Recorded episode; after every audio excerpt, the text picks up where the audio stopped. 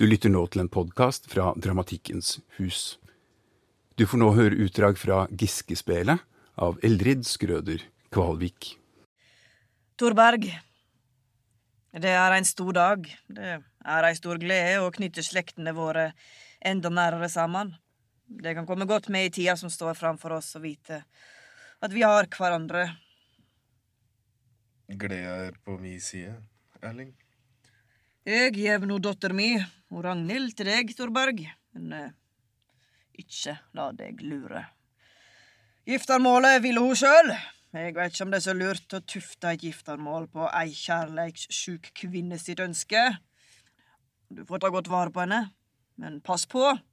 Hun er sta. Og hun er ikke alltid lett å hanskes med. Jeg har vel litt å slekte på. Mor hennes ja, kunne ikke bli med. Hun måtte stelle garn. så det, så det, så det. Skål for Torberg og Ragnhild. Skål! Skål. Skål. Erling. Det er meg ei stor ære å få datter di som husfrue her på Giskegarden. Du vil ikke angre på det. Vennskapet mellom oss setter jeg eh, høyt. Se på Giskegarden som din egen. Hit er du alltid velkommen. Skål. Skål. Skål. Vi er eh, kan hende ikke enige i alt, Erling, men, Nei, eh, nei, men, det- eh, én ting kan vi egnes i, og det er at Ragnhild hun er ualminnelig vakker. Du stråler. Hva sier de, brødre? Vi er glad for at du endelig får noe å nytte kreftene dine på, bror.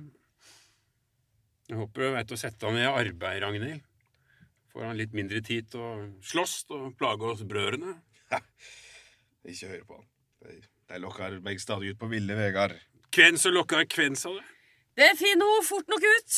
I dag er det fest. La oss ikke glemme det. Ja, i dag er det fest.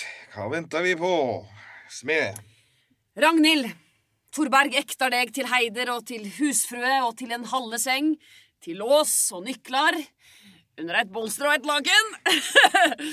Skål! Skål. Skål. Skål. Inn i ektesenga!